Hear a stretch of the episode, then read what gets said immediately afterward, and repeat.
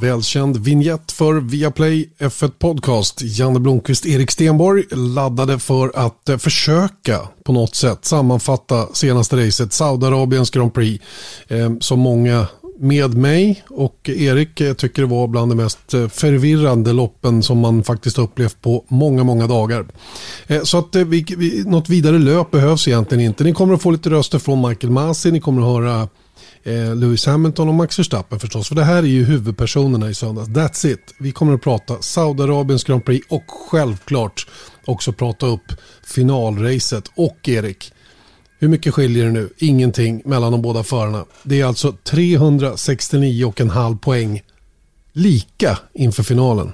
Mm. Det har hänt en gång. För det första, klassisk Janne Blomqvist-fråga. Ställer frågan, svarar på den själv och sen lämnar du över. Hur ska jag kunna Exakt. svara på den? Inte vet jag. Do your best. Ja, Okej. Okay. 369,5 poäng jämnt som sagt. Eh, och det, är alltså, det har hänt en gång tidigare, det var säsongen 1974. Men det var så länge sedan så att det är nästan, eh, vi kan nästan säga att det är första gången det händer. Absolut, jag menar saker och ting eh, liksom blir preskriberade förr eller senare och 1974 är för långt bak för att, att överhuvudtaget liksom ta in i ekvationen. I modern tid kan vi säga att det är första gången. Det är väl ett bra uttryck. Ja, så är det. Men och då vill jag liksom, till att börja med liksom landa i, vilket jag liksom försökt reflektera lite över de senaste dagarna sedan det här skedde då. Och det stod klart, vi hoppades ju på att det skulle se ut så här. Att Hamilton skulle ta igen de här åtta poängen som han var bakom inför Saudiarabien. Och eh, sen blir det så. Det, är liksom, det bara fortsätter skrivas på den här Hollywoodfilmen, eh, vare sig man vill eller inte känns det som. Men då landar jag i någonstans att om man tänker sig tillbaks, på söndag är det 262 dagar sedan den här säsongen började. Och visst, det fanns vissa så här indikationer på att Red Bull var med där uppe tillsammans med Mercedes redan under försäsongstesterna.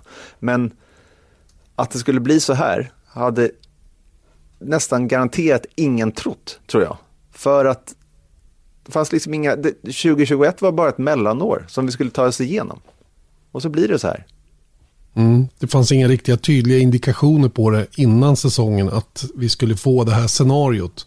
Och, och, och det sjuka är, det pratade vi innan vi började spela in, jag kan fortfarande inte efter 21 deltävlingar bestämma mig för vem av de här bilarna som är bäst. För det är ju i grunden bilarna som bestämmer om det finns möjlighet att slåss om VM-titeln eller inte. Vem är bäst? Eh, vi ska ju vara ärliga och säga att Red Bull hade ju kunnat vara världsmästare vid det här laget. Om det hade gått deras väg lite mer. Eh, och eh, Merca har ju på något sätt slagit i underläge. Ändå, precis som jag sa inför Saudiarabiens Grand Prix, går jag med en konstig känsla av att det är Red Bull som, har, som är det svagare kortet nu när det ska avgöras. Mm. Ja, men jag tycker faktiskt att det finns, nu, nu har inte jag all fakta, det går säkert att räkna på, det kanske vi ska göra när vi har lite mer tid under vintern för att titta på, jag menar om man kollar i Baku till exempel, det var ett, en, en punktering som satt stopp för, för stappen då. Hade det inte skett, hur hade det sett ut framåt? Så det har, jag skulle vilja hävda, magkänslan säger mig att det har skett mer sådana saker för Red Bull och eh, Max Verstappen än vad det gjort för Hamilton. Men det är ju samtidigt de här svängningarna som som har skett som också har att göra med, med prestanda i bilarna. Och om man tittar på säsongen i stort, att de första fyra racen så var det faktiskt Hamilton som var starkast. Han tog en ganska tydlig ledning de första fyra racen. Man visste att Red Bull var med, men de var känslan var att de var på bakfoten. Sen så ändrades det där under sommaren. Sen ändras det igen till Hamiltons fördel och nu har det varit Verstappen eh, den sista tiden fram tills nu egentligen. Och det, det är det här som är det konstiga, att tidigare år, eller det är vanligt i Formel 1 i alla fall, att man kan, även om man inte vet exakt effekterna runt en ny bildel eller eh, någon uppdateringspaket, så har det liksom, min känsla är att det inte riktigt kommit någonting som är så här, ja men det här har skett, vilket har gett Red Bull X och Mercedes Y. Typ som en double diffuser på en Braun-bil 2009. Något sånt har inte kommit, men det har ändå svängt. Och mm. jag, jag, kan inte säga varför, inte ens med facit i hand. Jag har någon liten teori om varför det är på det viset. För att alla de här koncepten eller paketen som de har eh, finns det ju naturligtvis möjlighet att, att lära sig mer av under en säsong. Och i och med att det har varit mindre med tid att hänga på nya grejer på bilarna. Det har varit mycket mer begränsat i uppdateringsfaserna än vad det normalt sett är under en säsong. Så har de haft mer tid att förfina det de faktiskt har. Och det, det, är det som jag tror är skälet till att det har svängt så mycket. Och den här uppdateringen som Mercedes gjorde på Silverstone mitt i sommaren. Den tog det lite tid för dem innan de kunde dra full nytta av. Innan de förstod den till 100%. Och det är resultatet av det som vi ser nu. Eh, samtidigt hade ju Red Bull då en enorm fördel under en period när de kunde köra mindre bakvinge. Hade speeden rakt fram utan att förlora downforce i kurvorna. Vilket Mercedes inte kunde för de hade en felaktig bakända sett till vad de har idag. Och, och, och, alla de här grejerna, det är det som jag tror är, är, gör den här säsongen så intressant. Just för att det, det är, vad ska jag kalla det, det, det, de har haft mer tid att jobba på det de faktiskt har. Än att hela tiden bara sitta hemma i fabriken och kasta fram nya grejer. Som, som de teoretiskt arbetar fram som en förbättring på bilen. Och som säkert är det också. Men om de hade fått använda det över tid, kanske över två säsonger, hade kunnat bli ännu bättre. Kan det vara så tror du att det, att det, det är det som har hänt den här säsongen? Ja, men jag tror att det ligger mycket i det. Men då kvarstår faktum att för oss som har tittat och ändå ser på det från utsidan har det varit väldigt svårt att så här, utröna att så här, nej, men, det här borde göra X. Och det, det har bara hänt framför våra ögon och i många fall har det varit en komplett chock faktiskt. Att det har, att det har svängt så pass mycket som det har gjort fram och tillbaka. Mm. Eh, om, vi, om vi landar då i, i Grand Prix till söndags, vi måste ju börja där på något sätt. Eh, Men jag vill också ja. bara föra till protokollet att det här är första gången sedan 2016 då som säsongen går, ska avgöras i, i, i sista tävlingen. Och så nämnde vi det att det var 1974 som senaste gången och enda gången som eh, eh, de två liksom, mästerskapskombatanterna har exakt samma poäng.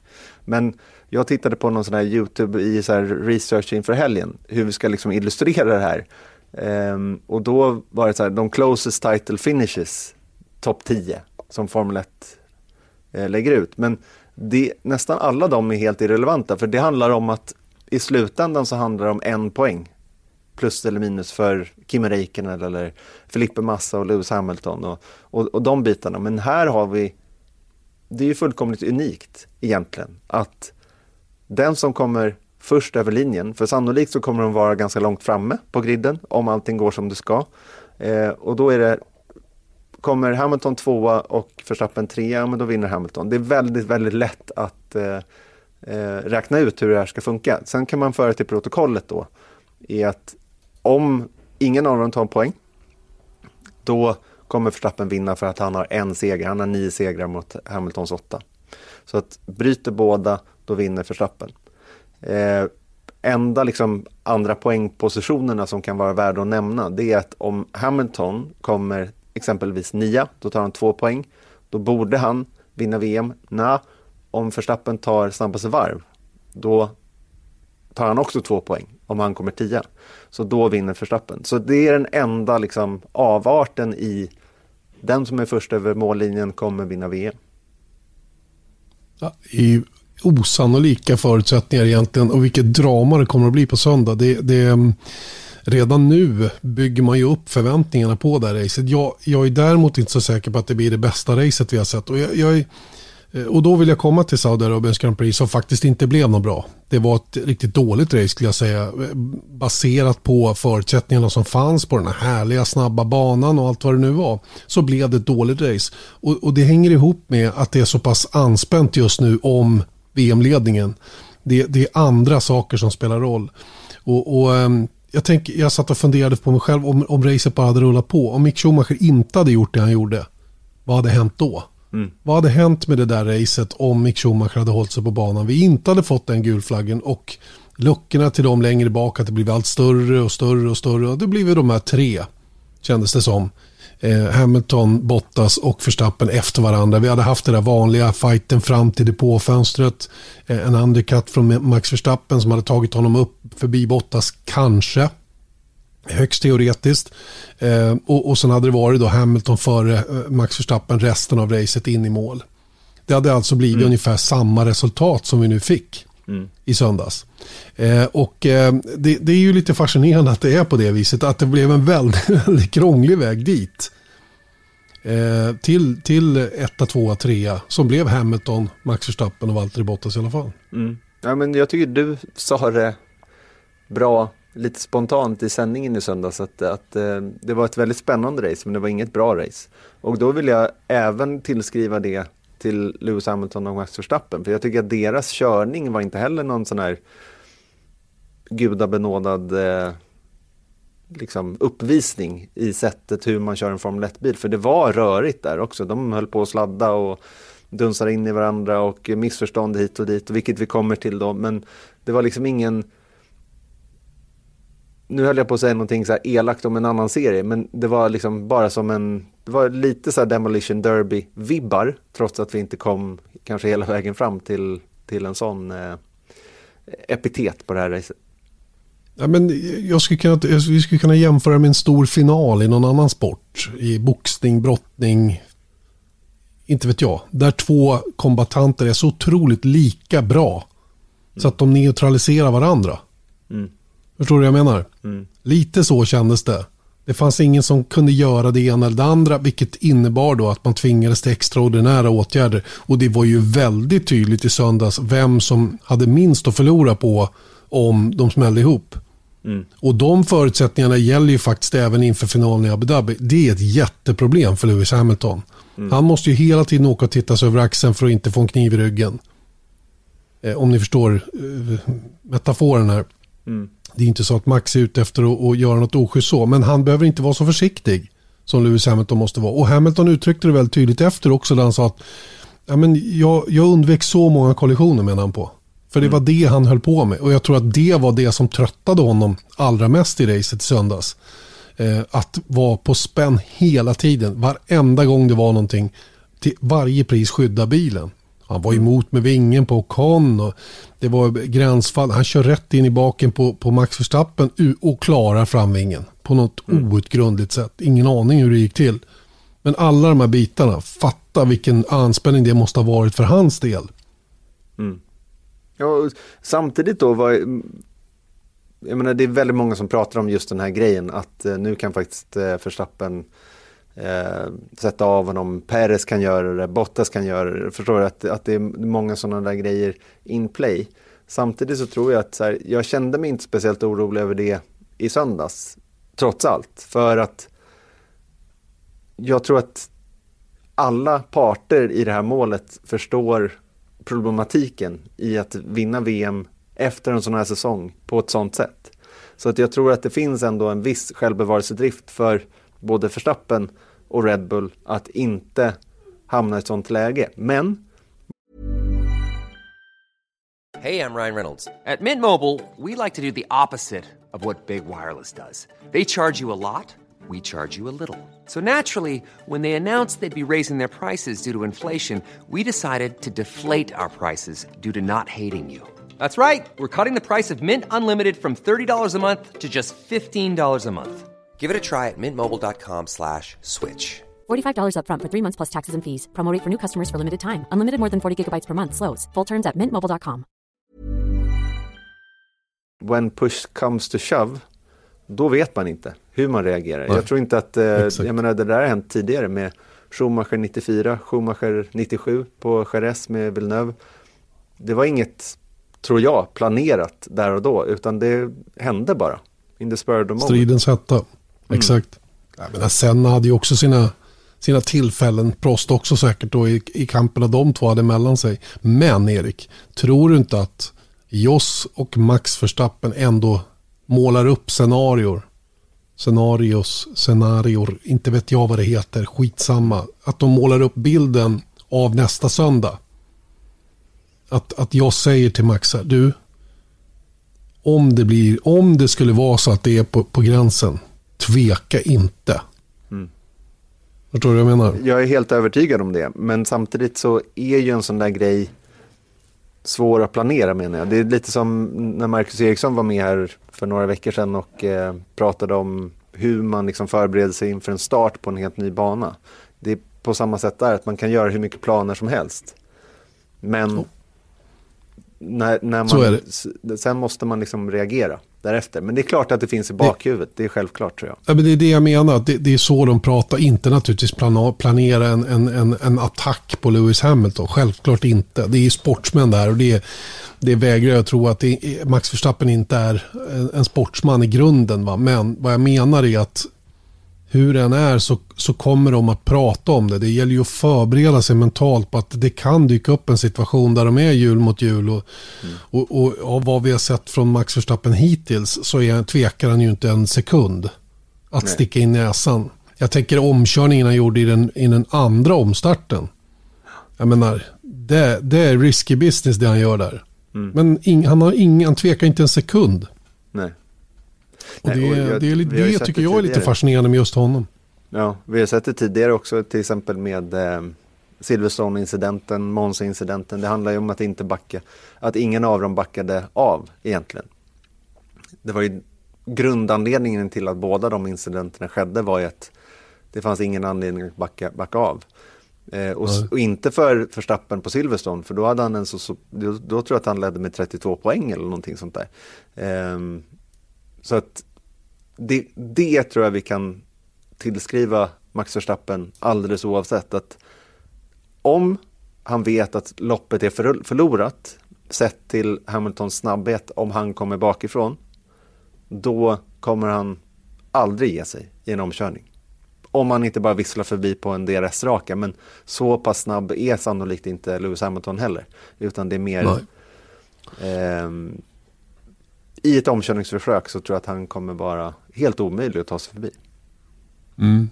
Nej, men, och det, det, tror jag också att han kommer att vara. Och det, och det är naturligt i det här läget. Vi slåss ju ändå om VM-titeln. Så det, det, tycker jag, så ska det ju vara också. Jag vill väldigt noga poängtera bara att jag inte uppfattar Max Verstappen som något osportsligt. Eller, jag bara säger att jag tror att de, de, liksom, de förbereder sig på den, på den slut, slutgiltiga kampen.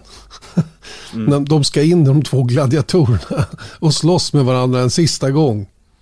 Och då ja. gäller det liksom att, ha, att förbereda sig mentalt på vad det här innebär.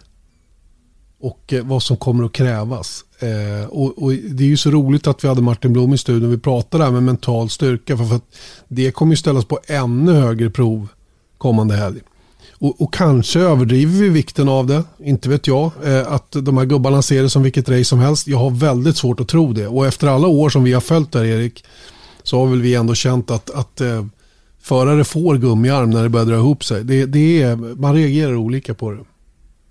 Absolut, och du nämnde andra sporter där med finalen. Alltså det sägs ju typ att VM-finalen i fotboll, det är alltid den sämsta matchen på i hela turneringen. Just av den anledningen att nu står ju allt, det finns inga fler chanser. Så därav blir det sannolikt inte en bra match när det är en VM-final. Då. Så att, och det här kan man väl likna med en VM-final. Så vi får väl se lite ja. vad, vad som händer. Verkligen en VM-final. Och det är en alldeles fantastisk VM-final vi har framför oss också. Eh, behöver vi gå igenom det kanske, racet som var i söndags? Ska vi titta ja. lite på det, bit för bit, kaka för kaka. Och eh, första starten, inga konstigheter. Eh, Hamilton eh, från pole, Bottas från andra rutan och Max från tredje. Det rullar iväg i den ordningen. Det var en väldigt städad start, mer städad än jag hade förstått och trott att det skulle bli. Men där skötte man sig otroligt väl. Eh, racet rullade igång och det, det var utan några som helst problem. Eh, fram till dess att Mick Schumacher tog i lite för mycket uppe i kurva 22, tappade bakänden och backade ut i barriären och, och slog även i framänden och loppet var kört för hans del. Michael Masi kallar självklart ut säkerhetsbil eh, och eh, där är vi. Bilarna åker bakom eh, säkerhetsbilen, fältet samlas ihop och eh, Mercedes gör sin utvärdering av kraschplatsen. Hur sannolikt är det att det blir en röd flagg? Ja, det ser okej okay ut. Så att eh, vi, de bestämmer sig för att ta in båda sina bilar i depån. Det är många andra som gör det också. Men vi koncentrerar oss på Merca eftersom det är Merca och Red Bull det handlar om. Eh, så de, eh, de bestämmer att de ska dubbel, de stackar upp. De dubbelstackar i depån. Båda bilarna ska in samtidigt. Bottas blir tillsagd att backa av från Lewis Hamilton. Släpp iväg Lewis. lite grann. Så att ni inte behöver stå i kö in i depån, för det, det kan kosta. För de trodde ju nämligen att Red Bull skulle följa med in, tror jag. Mm. Vilket Red Bull gjorde med ena bilen, men inte med den andra. De hade nämligen gjort en annan värdering av kraschplatsen. De hade tittat på bilderna och konstaterat fasen det är nog inte så långt borta ändå att de måste byta den där Tech Pro-barriären. Och i sånt fall så kommer de att behöva in en traktor och då kommer det automatiskt att bli rödflagg. Mycket riktigt. Något varv senare så kommer rödflaggen ut och vi hipp som happ har Max Verstappen fått banposition och dessutom ett fritt depåstopp för nya däck. Är vi med så långt? Så långt är vi med. Och det var ju mycket diskussioner på, på Twitter, inte minst såg jag runt det där att eh, vad i helvete eh, tar de ut rödflaggen så sent? Eh, nu ska man tillägga det att utefter mina efterforskningar så bytte de aldrig bärgaren utan det var mer att de behövde komma dit för att titta hur den verkligen såg ut. För nu var det bara säkerhetsbilspersonalen som gjorde det och de kände väl sig inte helt hundra med att avgöra en sån sak. Så de bytte aldrig barriären. Så det blev en, en, en kortare liksom, reparation snarare, att ställde, ställde saker i ordning eh, snarare än att byta ut det. Och då började ju konspirationsteorierna komma igång rejält på, i Hamilton-lägret. Vill jag mm. bara föra till protokollet. Såklart gör de ju det. Och eh, det som också har varit någonting som har höjt på ögonbrynen då var ju faktum att Max Verstappen då ropade på radion vad håller Bottas på med? Det här är mer än tio billängder. Vad gör han? Vad gör han? Varför backar han ner mig och håller mig undan för att Lewis ska kunna komma in i depån? Eh, och vi reagerade på det också för det är inte tillåtet. Det står nämligen så här i reglerna.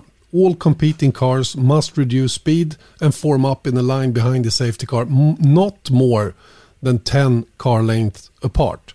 in order to ensure that drivers reduce speed sufficiently from the time at which all competitors have been sent the safety car deployed message via the official messaging system until the time that each car crosses the first safety car line for the second time. Drivers must stay above the minimum time set by FIA ECU at least once in each marshalling sector and at both the first and sector safety car line uh, uh, a marshalling sector is defined as the section of track between each of the FIA panel lights. Uh, förstår ni vad som händer här nu? Då är det ju så här att, jo, så här är det. Normalt sett bakom säkerhetsbilen, när, det, när de åker bakom sig, då får det aldrig vara mer än 10 billängder. Men det är ju en period medans alltihopa det här pågår. Nu hade i och för sig säkerhetsbilen varit ute en stund när det här inträffade. Och, eh, och, och, och, och, som jag bedömer situationen så ska inte Valtteri Bottas komma undan med att släppa iväg Lewis Hamilton mer än 10 billängder. Det, det, det är min absoluta uppfattning. Eh, för att det här med minimumtiden som de måste ligga över då eh, för att inte åka för fort bak. Det kan ju vara så att man har en lucka fram till täten. Då får du inte bara åka som en idiot bara för att komma ikapp kön utan du får åka en viss tid. Eh, du måste ligga på en viss tid. Eh, den, den, den tycker inte jag är applicerbar i det här läget. Så jag, jag förstår inte riktigt varför det inte blev någonting mer kring det där. Nu spelade hela situationen ut sig själv i och med att det blev rödflagg så småningom. Men det var, det var alltså en, en, en eh, tycker jag, lite märklig situation och, och Fia har ju inte förklarat varför de inte gjorde någonting åt det. Och um, jag antar att frågan kommer att komma upp på nästa förarmöte. Hur, hur funkade det? Eller team manager-möte då? Hur, vad, vad, hände där? Varför tittade inte noggrannare på det där och så vidare? Va? Men, men, som sagt, hela grejen spelade ju ut sig själv så småningom då. Men lite udda var det ändå. Ja, det måste man säga. För det var verkligen en sån här, så här jäkla skit att, eh, om det ska bli det. Men å andra sidan så var ju Hamilton safe i det läget. Han gjorde inget fel. Utan det i så fall hade det varit eh, Valtteri Bottas, Bottas som hade åkt dit på det. Och det hade ju i slutändan inte spelat någon roll för det vi pratar om nu, sett till eh, VM-avgörandet. Så att, eh, ja, de, jag tycker gott att de hade kunnat eh, ge Bottas en fem sekunder eller någonting sånt där, men det hade ju inte heller. Jag hade velat sett att de åtminstone tittar på det. Och, eh, och att vi kunde ha fått någon förklaring till varför det inte hände någonting. Det var ju ändå en hel del surr mellan teamen och Michael Masi eh, under rödflaggsperioden. Så, som, eh, som, ja, där de hade kunnat vädra det. Och vi hör ju så småningom också eh, Jonathan Wheatley var, var på grejen också. Eh, racet startar sen om. i den ordningen då som de hade kommit in i depån, det vill säga Max Verstappen från startnummer startposition 1. Eh, Lewis Hamilton då tvåa och, eh, och Valtteri Bottas i det här läget trea. Eh, och, och, och, det är ju en annan, en annan sak som, som många har varit eh, förundrade över. Eller det, det, egentligen inte för att vi visste ju att det är på det här viset. Att det är ett fritt däckstopp i samband med röd flagg. Det är en dum regel dock. Mm. Och jag kan hålla med de som tycker att det är en dum regel. Jag tycker den är helt absurd om jag ska vara riktigt ärlig att man får byta däck på det här viset. För det, det, är liksom, det, det neutraliserar ju all form av tekni, eller taktiskt tänkande i teamen. Mm. Och det har jag väldigt Plus svårt för. Här fick, det här, precis, det här hade ju kunnat avgjort hela racet till Max Verstappens fördel utan att han hade behövt gjort ett förbannade dugg. Mm. Vilket jag tycker är, så får det inte vara, så får inte en regel vara utformad tycker jag. Nej, det är, det är urbota dumt och jag skulle inte bli förvånad om att de ser över det över vintern, faktiskt. Att, nej, precis. att, att, ett, att ett, eh, ett däckbyte får endast göras under det att bilarna åtminstone rullar på banan. De, såklart får de göras under det att det är säkerhetsbil. Men det måste rullas på banan, inte stillastående i depån under röd flagg. Det där var ju som vi berättade i sändning, någon som kom upp redan i Monaco då för ett antal år sedan vid, vid en liknande situation. Då var det dock så många få varv kvar. Och då var det jag och Eje som satt och och kommenterade och ingen av oss liksom fattade riktigt för vi trodde att Park Fermé betydde att no touch på bilarna. Men så mm. var icke fallet. Mm. Vidare då? Sen kör vi igång och eh, startar om racet för andra gången, eller första gången. Eh, och då kommer nästa lilla kontrovers. Eh, Förstappen är ju först. Eh, och, då, och då är det ju då, vad kallar man det här varvet? Ut till startpositionerna. Ja, eh, vad jag förstår det så är det ett laps to grid. Mm. Det vill säga ingen behöver egentligen ta hänsyn till någon annan fartmässigt. Alltså samma man... reglemente egentligen som, förutom att de ska hålla eh, ordningen på bilarna igång, vilket inte behövs under laps grid, utan då kan ju, och det här är då när depån öppnar inför race, en halvtimme innan, så då åker ju förarna ofta då ut genom depån, kör ett varv in genom depån igen för att testa lite andra grejer och sen så kanske till griden eller ett ytterligare varv. Det är ju laps grid och där Eh, så, så det är någon, någon avart ändå, att det är inte så att de behövde ändå hålla det, ordningen. Det är inget formationsvarv form... i alla fall. Exakt. De ska bara ställa och, upp sig där de ska vara egentligen. Precis, precis. Inget formationsvarv. Eh, kontroversen i det här fallet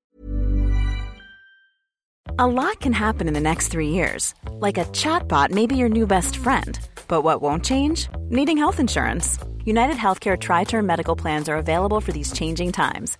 Underwritten by Golden Rule Insurance Company, they offer budget friendly, flexible coverage for people who are in between jobs or missed open enrollment. The plans last nearly three years in some states, with access to a nationwide network of doctors and hospitals. So, for whatever tomorrow brings, United Healthcare Tri Term Medical Plans may be for you. Learn more at uh1.com. How would you like to look five years younger? In a clinical study, people that had volume added with Juvederm Voluma XC in the cheeks perceived themselves as looking five years younger at six months after treatment. Look younger, feel like you. Add volume for lift and contour in the cheeks with Juvederm Voluma XC. Reverse signs of aging by adding volume to smooth laugh lines with Juvederm Volure XC. For important safety information and to find a licensed specialist, visit juvederm.com. That's J U V E D E R M.com. Not for people with severe allergic reactions, allergies to lidocaine, or the proteins used in Juvederm. Common side effects include injection site redness, swelling, pain, tenderness, firmness, lumps, bumps, bruising, discoloration, or itching. There's a risk of unintentional injection into a blood vessel, which can cause vision abnormalities, blindness, stroke, temporary scabs, or scarring. Talk to a licensed specialist to find out if it's right for you. Blev ju då att, att eh, Max blev lite ivrig, drog på för att förbereda sina däck så gott det gick. Eh, men blev ju då eh, ensam stående där framme längst fram väldigt länge eftersom Mercedes som då var närmast bakom, de hade ju inte lika bråttom eh, valde ju då att ta det lite lugnare och eh, ja, det blev helt enkelt en väldigt stor lucka mellan, mellan Verstappen och, och Hamilton och Bottas då som var näst bakom. Jag, jag kan inte svara på om det var det som avgjorde starten sen men Verstappen hade inte en chans av linjen jämfört med Lewis Hamilton. Massor med hjulspinn och kom inte alls iväg. För de får ju bara det här utvarvet att värma däck på och det är ju väldigt lite. Mm. Eh, kan också tycka att det är en märklig regel att inte ha det som ett normalt formationsvarv då, där man gör de sedvanliga procedurerna så att säga och, och, och förbereder allting som man ska. Men det, det, är så de har bestämt i vilket fall. Eh, Lewis kommer ju iväg klart före in i första kurvan men Max väljer att bromsa jättesent. Jättesent och är ju faktiskt uppe jämsides då. Eh, och vi ser också att Lewis Hamilton inte når Apex överhuvudtaget in i kurvet. Han fortsätter ju på, på numera känt maner en liten bit till för att squeeza Max utanför banan. Han är ju otroligt medveten om att det finns ingen plats då om man gör på det viset. Eh, Max hamnar ju ute i avåkningszonen, studsar över kurben och är på nästan på väg in i Hamilton på utsidan då. Som har åkt normal väg som tar lite längre tid än att åka rakt genom avåkningszonen. Max studsar över banmarkeringen, håller som sagt på att köra in i Hamilton och i, i, i, i Villervallan så smiter ju och Ocon förbi. Mm. Så det är Ocon före Max före Lewis.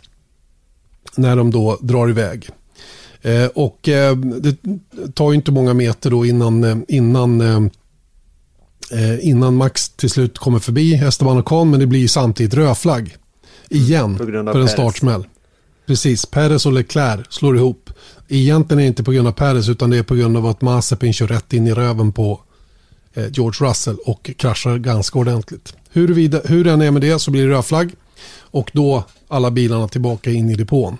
Och då eh, börjar ju då nästa lilla, vad ska vi kalla det, debacle Mm. Eh, som, eh, som, eh, som inträffar. Ska vi, ska, vi, ska vi återspegla vad som hände? Det är väl rätt intressant ändå att höra hela den där radtrafiken en gång till då, som, som, eh, som försiggick då mellan teamen när, när det här hade hänt. Hi, Michael. Hi, I'm going to give you the opportunity to start from grid position two for this, uh, based on what occurred at turn one two. Okay, thank you. We're going to we'll have an internal discussion on that. We felt we were pushed off there, so thank you for that. If we could, if we could have a minute to think about it. Yeah, if you can come back to me within a minute or two, that would be great. Okay. Go ahead. We would accept P2 on the basis that Ocon's on pole, correct? we would drop you. Well, we sorry, we would drop you back behind Hamilton. Is ah, where okay, it well, that, that, Sorry, thought, Jonathan. Yeah, I thought you'd said. No, no. My apologies because I hadn't looked at it. Back behind Lewis. I understood. That, that. is my offer. Um, I need another minute. Thank you. You have you have my uh, suggestion. Yeah, understood, Michael.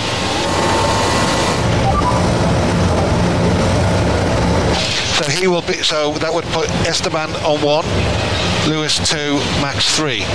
That is the offer. Sorry. Yes. Uh, so would, we will update it accordingly. The offer has been put there. Thank you. Obviously, if they choose not to accept that, then I will refer that to the stewards. Copy that. Thank you. Go ahead. Uh, yeah, we'll accept that. We understand the order will be Ocon, Hamilton, Verstappen.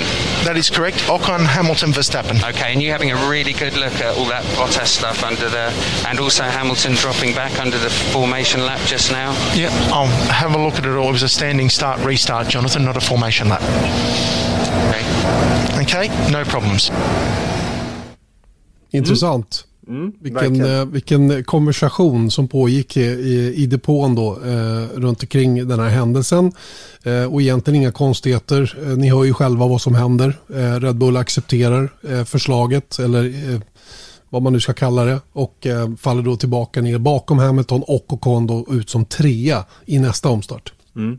Det ovanliga i det här var ju att vi blev, och jag tror många med oss, blev väldigt förvånade över att att det här överhuvudtaget skedde. Att man liksom fick ett offer att justera det här. Men som Michael Masi eh, ska förklara nu så är kanske inte det helt eh, ovanligt. wouldn't call it a deal. As from a race director's perspective, I have no authority to actually instruct the teams to do anything. In that situation, I can give them an offer, the ability to do that, but the choice is theirs. Uh, the stewards are obviously empowered to impose penalties, but I can give them my perspective. So that's why I offered them the ability to give that position up. It was uh, as a result of the red flag that came about with the incident at turn three. the priority in any red flag situation is A, to make sure the drivers are safe, uh, then to activate the recovery and the marshals can do so, clean the track and so forth. So it probably seemed a bit uh, elongated compared to normal. However, it's very much normal discussion that takes place. I immediately, when I saw it happen at turn uh, two, I immediately said, suggested to the stewards that I'm going to give the team the ability to give that place back. Um, the red flag obviously ensued very quickly thereafter, and that was absolutely the priority uh, before we got going again. Being under a suspension, um, it was the ability to effectively correct that before we went racing again.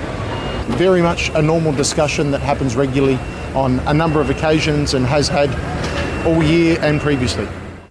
Så är det alltså. Michael Masi förklarar då att det här är alls inte ovanligt att det pågår den här typen av diskussioner. Dock är ju det här första gången vi får höra det och jag noterar förvåningen hos många förare som är aktiva fortfarande som inte förstod att det är så här det går till. Eh, och det är inte så konstigt att vi i publiken tycker samma sak. Men jag kan också förstå att eh, i ett race till exempel när det pågår när det har skett en tveksam omkörning så blir man till så att du släpp tillbaka det så slipper vi blanda in domarna. Fine, mm. okej okay, vi tar det. Och tycker man inte håller man inte med om det, ja då säger man ju bara att nej, det där skiter vi det där får domarna bedöma. Vi tror att vi har rätt i den här frågan, så kör man på och kan då åka på en bestraffning istället. Va? Så att, eh, och, och jag uppfattade nog i situationen också att det var inte, det kändes inte som det här var en ovanlig situation för teamen att prata med Masi på det här sättet. Nej, och jag tycker din, eh, ditt exempel där med att när vi ibland ser då eh, en omkörning utanför banan till exempel, att när teamet då säger så här, släpp tillbaka den där platsen, och det är nog en väldigt tydlig jämförelse vad som gäller här är att låt oss inte blanda in, vi är hyfsat förstå, förstådda liksom över vad som kommer ske om det här går till domarna. Och domarna måste antingen fria eller fälla. De, har in, de kommer inte, det är inte de som kommer med oss och säger så här, släpp tillbaka platsen. Utan det är alltså mellan tävlingsledaren och teamen eller teamen själva kan ta egna initiativ till, till sådana här grejer. Så att det är faktiskt ganska intressant att förstå skillnaden där. Mm, verkligen. För hade det hamnat hos domarna då säger de no investigation necessary eller 5, 10, 15, 20, 30 sekunders tidstillägg beroende på vad man har pysslat med. Så att, eh, det, jag, jag, jag tycker att det är ett ganska konstruktivt sätt att lösa problemet på om jag ska vara riktigt ärlig. Va? Sen, sen eh, blir det ju ändå, låter ju lite märkligt att han liksom dealar med teamen på det här viset i en, i en sport där det ska vara svart eller vitt när man dömer. En domare dömer, bla bla bla. Men man, kan, man ser ju inte domaren igen då i det här fallet. Men, men den här sporten är unik och inte lik andra sporter i det avseendet. Va? Och, och och det är väl kanske därför vi, vi hamnar i ett sånt här läge. Ja, och jag tycker också man ska ta i beaktning att Red Bull faktiskt accepterade det här. Efter att ha tänkt efter några minuter så tänker de att det här är nog den bästa situationen för oss. Snarare än att få racet igång. Eh, sen så går det tre varv och sen får fem sekunders tidstillägg. Jag menar, då, då kan ju de vara rökta istället. Så det är bättre att de säger, okej okay, men då har vi förutsättningarna klar för oss och så kör vi på det. Så det var mm. ingen diskussion på det sättet, utan det var mer, mer för oss. Inte alls. De gjorde en värdering av situationen. För de säger uh, we believe we were pushed off, säger ju Jonathan Wheatley först där. Men, men, när de har fått resonera om det så inser de ju att de kommer ju sannolikt inte att komma undan med det där. Utan det, det är lika bra att göra det här rätt. Och det var ju i det läget de bestämde nästa sak. Nämligen att sätta Max Verstappen då i den andra omstarten på den gula mediumgummiblandningen från tredje rutan. Eh, var ju det tanken då att vara på full attack in i första kurvan och därmed ta banposition tillbaka i alla fall. Eh, och, och, det hände ju också. Starten går eh, och Ocon från första rutan, sen Hamilton. Men Hamilton lämnar lite lucka på insidan. Den tog Max Verstappen direkt. Supersen på bromsarna. Hamilton blir inklämd mellan Max och Ocon. Ocon och Hamilton touchar lite grann. Max sticker iväg. Eh, Hamilton som trea bakom Ocon, men det dröjer inte länge innan han är förbi. Och sen börjar ju racet igen då. Max före Hamilton, fast nu då omvänt mot hur det var i början. Och eh, de kör ju efter varandra hela tiden och Max ser ut att kunna hålla undan. Eh, han är snabb, han är vrålsnabb ska jag säga. Från kurva 3 fram till kurva 11-12 någonstans. Där är Mercan chanslös. Mercedesbilen tar tillbaka allting. Mycket av det på baksidan då på de lite mer raka partierna. Och så där håller de på. Det händer dock en massa andra grejer så det blir en massa skräp på banan. Det blir virtuell säkerhetsbil vid ett flertal tillfällen och vid den sista virtuella säkerhetsbilen då är Hamilton så nära. Han får en så pass mycket bättre omstart där att han är så nära att han kommer inom DRS tydligt på rätt ställe och försöker att sätta in attacken och är också igen då före Max Verstappen som igen försöker försvara sig med näbbar och klor och eh, använder lite otillåtna medel för detta. Och då, och då kommer ju nästa väldigt, väldigt stora kontrovers i det här racet. För efter många om och men så blir ju då Max beordrad att släppa förbi Lewis Hamilton. Och då, och då eh, uppstår ju då den här lite märkliga historien där, där eh, han alltså använde använder bromspedalen på ett icke tillåtet sätt. Har det visat sig nu i efterhand. En mycket märklig historia på baksidan av banan där han åker långsamt helt plötsligt. Och Hamilton blir förvirrad. Han vet inte riktigt vad han ska göra. Av någon anledning så vill han inte köra förbi. Och där tvistar ju till och med du och jag om varför det är på det viset. Det är grön flagg, det finns inga indikationer på att han inte får åka förbi. Men han åker inte förbi. Då börjar, han har ju börjat ana ugglor i mossen här. Max vill ju ha förbi Lewis Hamilton för då börjar närma sig DRS-linjen. Och eh, Hamilton är ju en slipad hjärna. Så han, och det sa han ju faktiskt efteråt i intervjun också. Att jag är inte dum. Jag har ju varit med ett tag. Så att han ville liksom inte åka förbi där innan utan, utan han avvaktade. Och till slut kom han ju så nära så Max kände att fasen nu måste jag hitta på någonting radikalt där. Dumt i och för sig. Han klev på bromsen. Alltså mer tryck Tvinga på bromsen än vad du... Ja, och för att bara förklara, han bromsar alltså med hårdare tryck än du någonsin gör i din personbil, än som du tvärnitar. Förstår ni? Eh, ifrån hög fart. Så det var en rejäl inbromsning, även om den var kort. Så gjorde den ju skillnad. Och Hamilton som då åkte där bakom och vi tänkte inte åka förbi förrän de hade passerat den där vita linjen. Han blev ju lite överraskad och väjde ju snabbt åt sidan så att de inte smällde ihop. Eh, helt mer än att framvingen tog i lite grann. Och det blev ju naturligtvis ett väldigt rabalder runt omkring det här. Max stack igen eh, och försökte hålla undan så gott det gick. Men sen gick ju då tugget fram och tillbaka och till slut så släppte han ju förbi Hamilton. För att direkt köra förbi igen då på det sättet som han hade planerat att göra första gången. Mm. Men sen får han ju då göra om det igen för det ansågs inte vara korrekt. Så då släpper han om Hamilton som då tar Max på en riktig resa genom sista kurvan. Eh, vilket Michael Masi då påpekar till dem att det var borderline för en svartvit flagga, det vill säga varning för det beteendet, så där får man inte göra. Men det sket ju Mercedes i och framförallt Lewis Hamilton som i det läget var riktigt arg tror jag och ville markera högst eh, tydligt. Sen stack ju Hamilton och det var aldrig någon mer match. Eh, Förstappen hade för dåliga däck. Och det sjuka av alltihopa här hände ju då efter det, nämligen att Max dessutom efter att ha släppt förbi Lewis Hamilton till slut också får fem sekunders tidstillägg för det som hände i kurva 1, 2, 3. Mm. Så att, eh, och, och, och, eh, hela den där slutar ju nu ytterligare då efter målgång med att han blir eh, uppskickad till domarna för att förklara den här konstiga inbromsningen på baksidan då. Och där bestämmer domarna då att han har betett sig på ett irrationellt sätt. Han har alltså på ett ansvarslöst och farligt sätt bromsat omotiverat och eh, höll på att orsaka en, en allvarlig olycka då, men i alla fall en kollision som blev fallet de två emellan och fick för det då 10 sekunders tidstillägg eh, eh, pålagt på sin sluttid, vilket inte påverkade slutresultatet överhuvudtaget.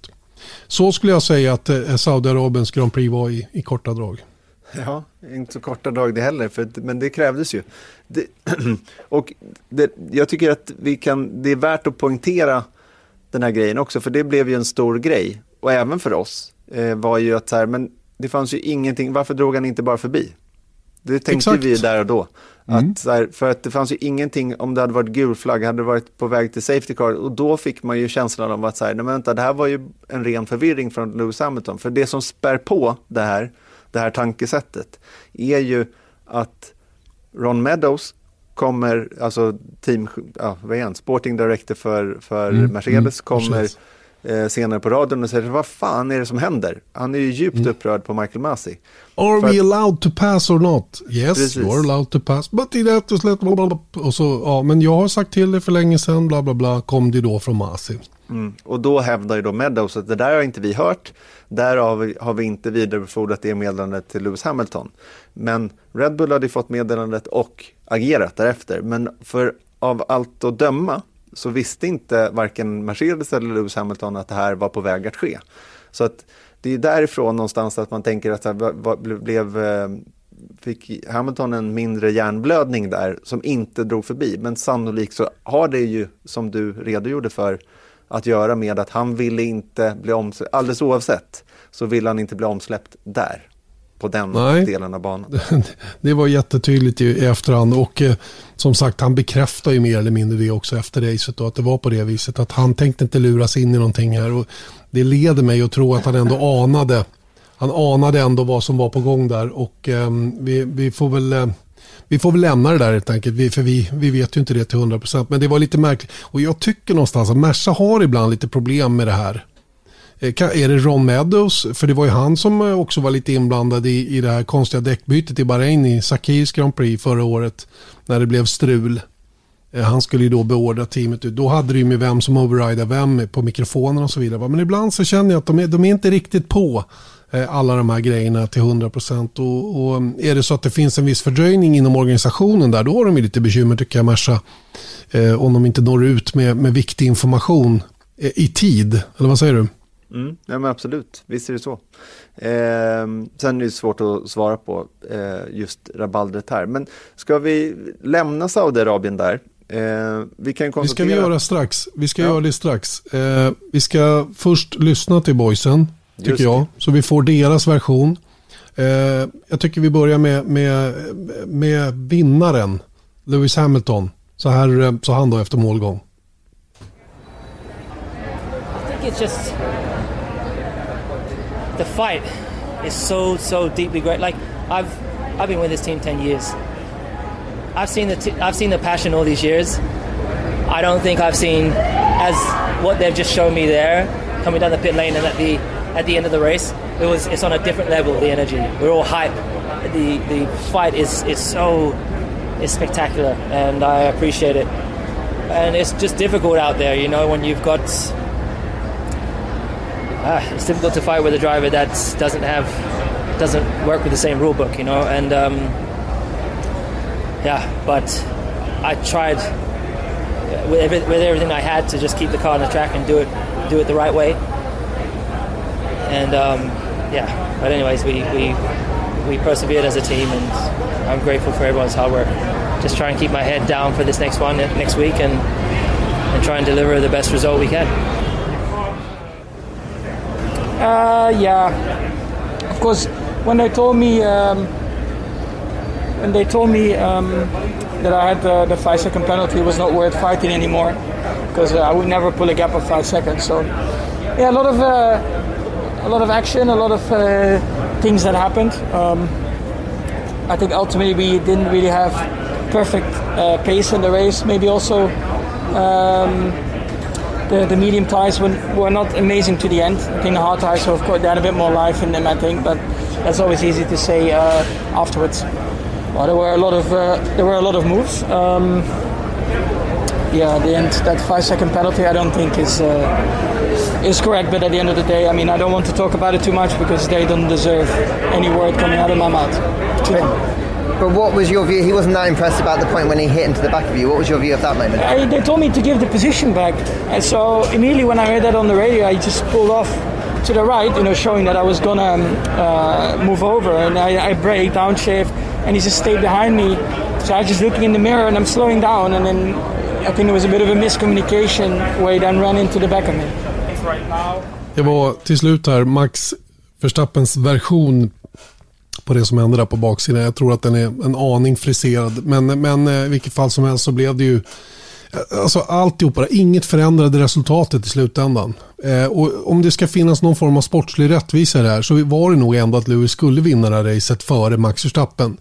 Eh, för hade Max vunnit racet på den där rödflaggen då, då hade det, det hade känts konstigt ärligt talat. Eh, även om, nej jag vet inte. Så att eh, jag, nu är det naturligtvis dukat bord för oss. För nu ska vi lämna Saudiarabien och titta på Abu Dhabi. Och de kommer nu till Abu Dhabi på exakt lika många poäng. Mm. Det, man, man kan inte säga det nog gånger för att få det att och, liksom eh, landa på något vis. Eh, det man ska veta då om, om Abu Dhabi är att det är ju en ny bansträckning. Eh, banan har alltså kapats från 21 kurvor till 16 kurvor. Eh, framförallt, ja, det är två ställen som de har ändrat på som vi tror kommer eh, förhoppningsvis ge lite bättre möjligheter till omkörningar och racing på den här banan som faktiskt inte har levererat på den fronten sedan den togs i bruk där 2009. Nej, och det partiet som är viktigast att ändra på det har de ju gjort en rejäl grej med. Det är ju alltså eh, kurva 4, 5, 6 och 7 som numera är en mycket snabbare sväng in i den där hårnålen som sen vänder runt och ut på den första av de två långa raken. Och det var ju precis det man ville ha. Man ville ha de här snabba svängarna och lite sväng och broms samtidigt för att locka fram misstag. Nu gick det så himla långsamt innan hårnålen så det var liksom, det hände ingenting in där. Utan alla bara följde varandra. Sen blev det koncertina, alltså dragspelseffekt ut på rakan och, och liksom, du skulle ha en flera sekunder snabbare bil för att kunna utnyttja eh, DRS eller vad det var för att kunna ta det förbi. Och samma sak då i slutet på den andra långa rakan har man ju också tagit bort den chikanen och, och byggt ihop det då med kurva 14, gamla kurva 14 då som sen leder in mot, eh, mot den 90-graders delen av den här banan, de här 90-graders svängarna då som sen sedermera gör att man kommer ut på start och mål. Vi får helt enkelt se vad det blir. Jag, jag tror att banan kommer att vara underordnad. Det är ju, det är ju all den här spänningen och förväntan och, och nerver jag utgår från att det kommer att vara nerver också hos förarna som kommer att, som, som kommer att spela större roll. Och jag hoppas att det inte är liksom att det blir för stora fartskillnader. Att det verkligen fortsätter att vara extremt jämnt mellan Mercedes och Red Bull. Så det verkligen blir en riktig proper fight om årets VM-titel. Mm, som börjar redan på lördagen. Det man ska veta då apropå eh, de här, den här nya bansträckningen är också då att omkörningar har ju varit väldigt svåra i toppen och det kan man ju konstatera då eftersom eh, det är bara en gång som det här racet har vunnit sedan 2009 då utanför eh, första startled och det var när Kim Räikkönen vann från fjärde på griden 2012 och då var han ju i Lotus. Eh, och de senaste fem racen här har vunnits från pole position. Eh, Lewis Hamilton är också har varit historiskt väldigt stark på den här banan. Eh, han har tagit fem pole positions och fem eh, segrar här. Så att på pappret så ser det upplagt ut för, för Mercedes, men det är ju återigen, who knows? Det var Max som vann förra året. Mm, för att de hade lite problem att få igång däcken va? Just. Ja, jag, jag ser fram emot finalen. Alltså det, och det är ju ehm, det, så återigen alltså vilken knapp säsong och, och vilken ynnest att få vara med om alltihopa det här. Och du och jag som, som inte sitter i vare sig det ena eller det andra lägret oavsett nu vad folk tror om det. Så är det faktiskt på det viset eftersom jag råkar veta att det är på det viset. Så, så kan man njuta av det extra mycket. Jag tror att det är det börjar ju bli lite så här, äh, det börjar bli lite hög, hög äh, det börjar bli lite höga och, och rätt elaka tongångar från ena sidan till den andra och studs fram och tillbaka just med att det börjar dra ihop sig. Det, det är väl naturligt så att säga va, men men om man, om man kan luta sig tillbaka lite grann och, och höja, höja blicken och, och, njuta av fighten som sådan, va? då kan man ju uppskatta det oavsett vem det är som går vinnande ur fighten. Åtminstone kan jag göra det. Ja, jag håller med dig där faktiskt, för det, det handlar ju också om vad det i slutändan blir. Att, och det är just på det här sättet att okej, okay, nu går de in i sista racet lika. Ja, men då kan det inte vara mer jämnt. Det måste man vara nöjd med säsongen fram tills dess, oavsett lägret man sitter i. Sen så har vi ju eh, om man ser på det objektivt så har jag liksom slutresultatet är helt öppen för också. För i ena fallet så har vi en åttafaldig världsmästare, någon som skriver historia på det, eh, skriver rekord i minsta fall eh, på det viset. Alternativt så har vi en, en eh, framtida världsmästare som tar sin första. Så att jag tycker liksom båda de, det väger helt jämnt för mig också. Vad som mm, är som roligast. Helt klart. Helt enig med Erik Stenborg. Och eh, det får bli vår konklusion ifrån veckans F1-podd. Nej. Nej. Vi måste prata om Kimi Räikkönen också. Ja. Han är på väg att starta sitt sista eh, Formel 1-race i karriären. 2007 års förar-världsmästare. Eh, och han kommer då göra det som den mest erfarna Formel 1-föraren genom alla tider. Du, hundkören. Direkt när du sa Kimirek, börjar de skälla direkt. De fattar precis vad det handlar om. Mm, hurra lite. Men lite så. Nej, men det kommer kännas vemodigt, det tror jag. Att släppa Kimi Räikkönen från, från Formel 1. En sån legendar som han ändå är. Konstigt egentligen att ha en sån legendarstatus med relativt sett lite framgångar. Mm. Eller hur? Ja, ja, framförallt sen 2007. Menar, ja men alltså overall så har det ju varit, han har ju potentialen har ju funnits där väldigt, väldigt många gånger. Va? Men lite i så här fel ställe vid fel tillfälle. Snäppet värre faktiskt än, än, än Fernando Alonso. Men en väldigt, väldigt skicklig racerförare alla dagar i veckan och en otroligt omtyckt person i Formel 1-depån som redan faktiskt har tackats av av Sauber-teamet vid en större fest hemma i Hinville. Eh, så att, eh, men eh, jag gissar att han eh, tar sig ett glas eller två efter, efter den kommande helgen och sen njuter av familjelivet ihop med sin Mintu och sina båda barn som sannolikt kommer att köra racerbil inom 5-6 år. I alla fall pojken. Mm, det känns så om man följer honom mm. på Instagram. Nej, men vi kommer ju såklart eh, fokusera på en del på Kim Räikkönen. I mestadels så blir det ju såklart på, på VM-fighten eh, under helgens sändningar. Som kul är så har vi ju Marcus Eriksson på besök i, i studion. Eh, som ju har kört på Jas Marina Circuit väldigt mycket. Så, och även liksom plocka ut lite höjdpunkter från säsongen för att sätta det hela i perspektiv förhoppningsvis. För, så att eh, alla ni som tittar på söndag har de allra bästa förutsättningarna ni kan få. Skitkul. Jag är tillbaka i studion också ytterligare en helg som supersub för Susanne Sjögren som är på handbolls-VM. Så att eh, vi syns och hörs kommande helg ifrån Abu Dhabis Grand Prix på V-Sport Motor och Viaplay. Så att eh, det får ni absolut inte missa. Och eh, ja, tills dess då, påtrörande. Och sen så kommer vi med en ny stark podd nästa tisdag och då summerar vi i alla fall finalracet. Jag tror inte vi summerar säsongen men vi kan åtminstone fin finalracet kan vi ta itu med. Det tycker jag. Ha det så bra.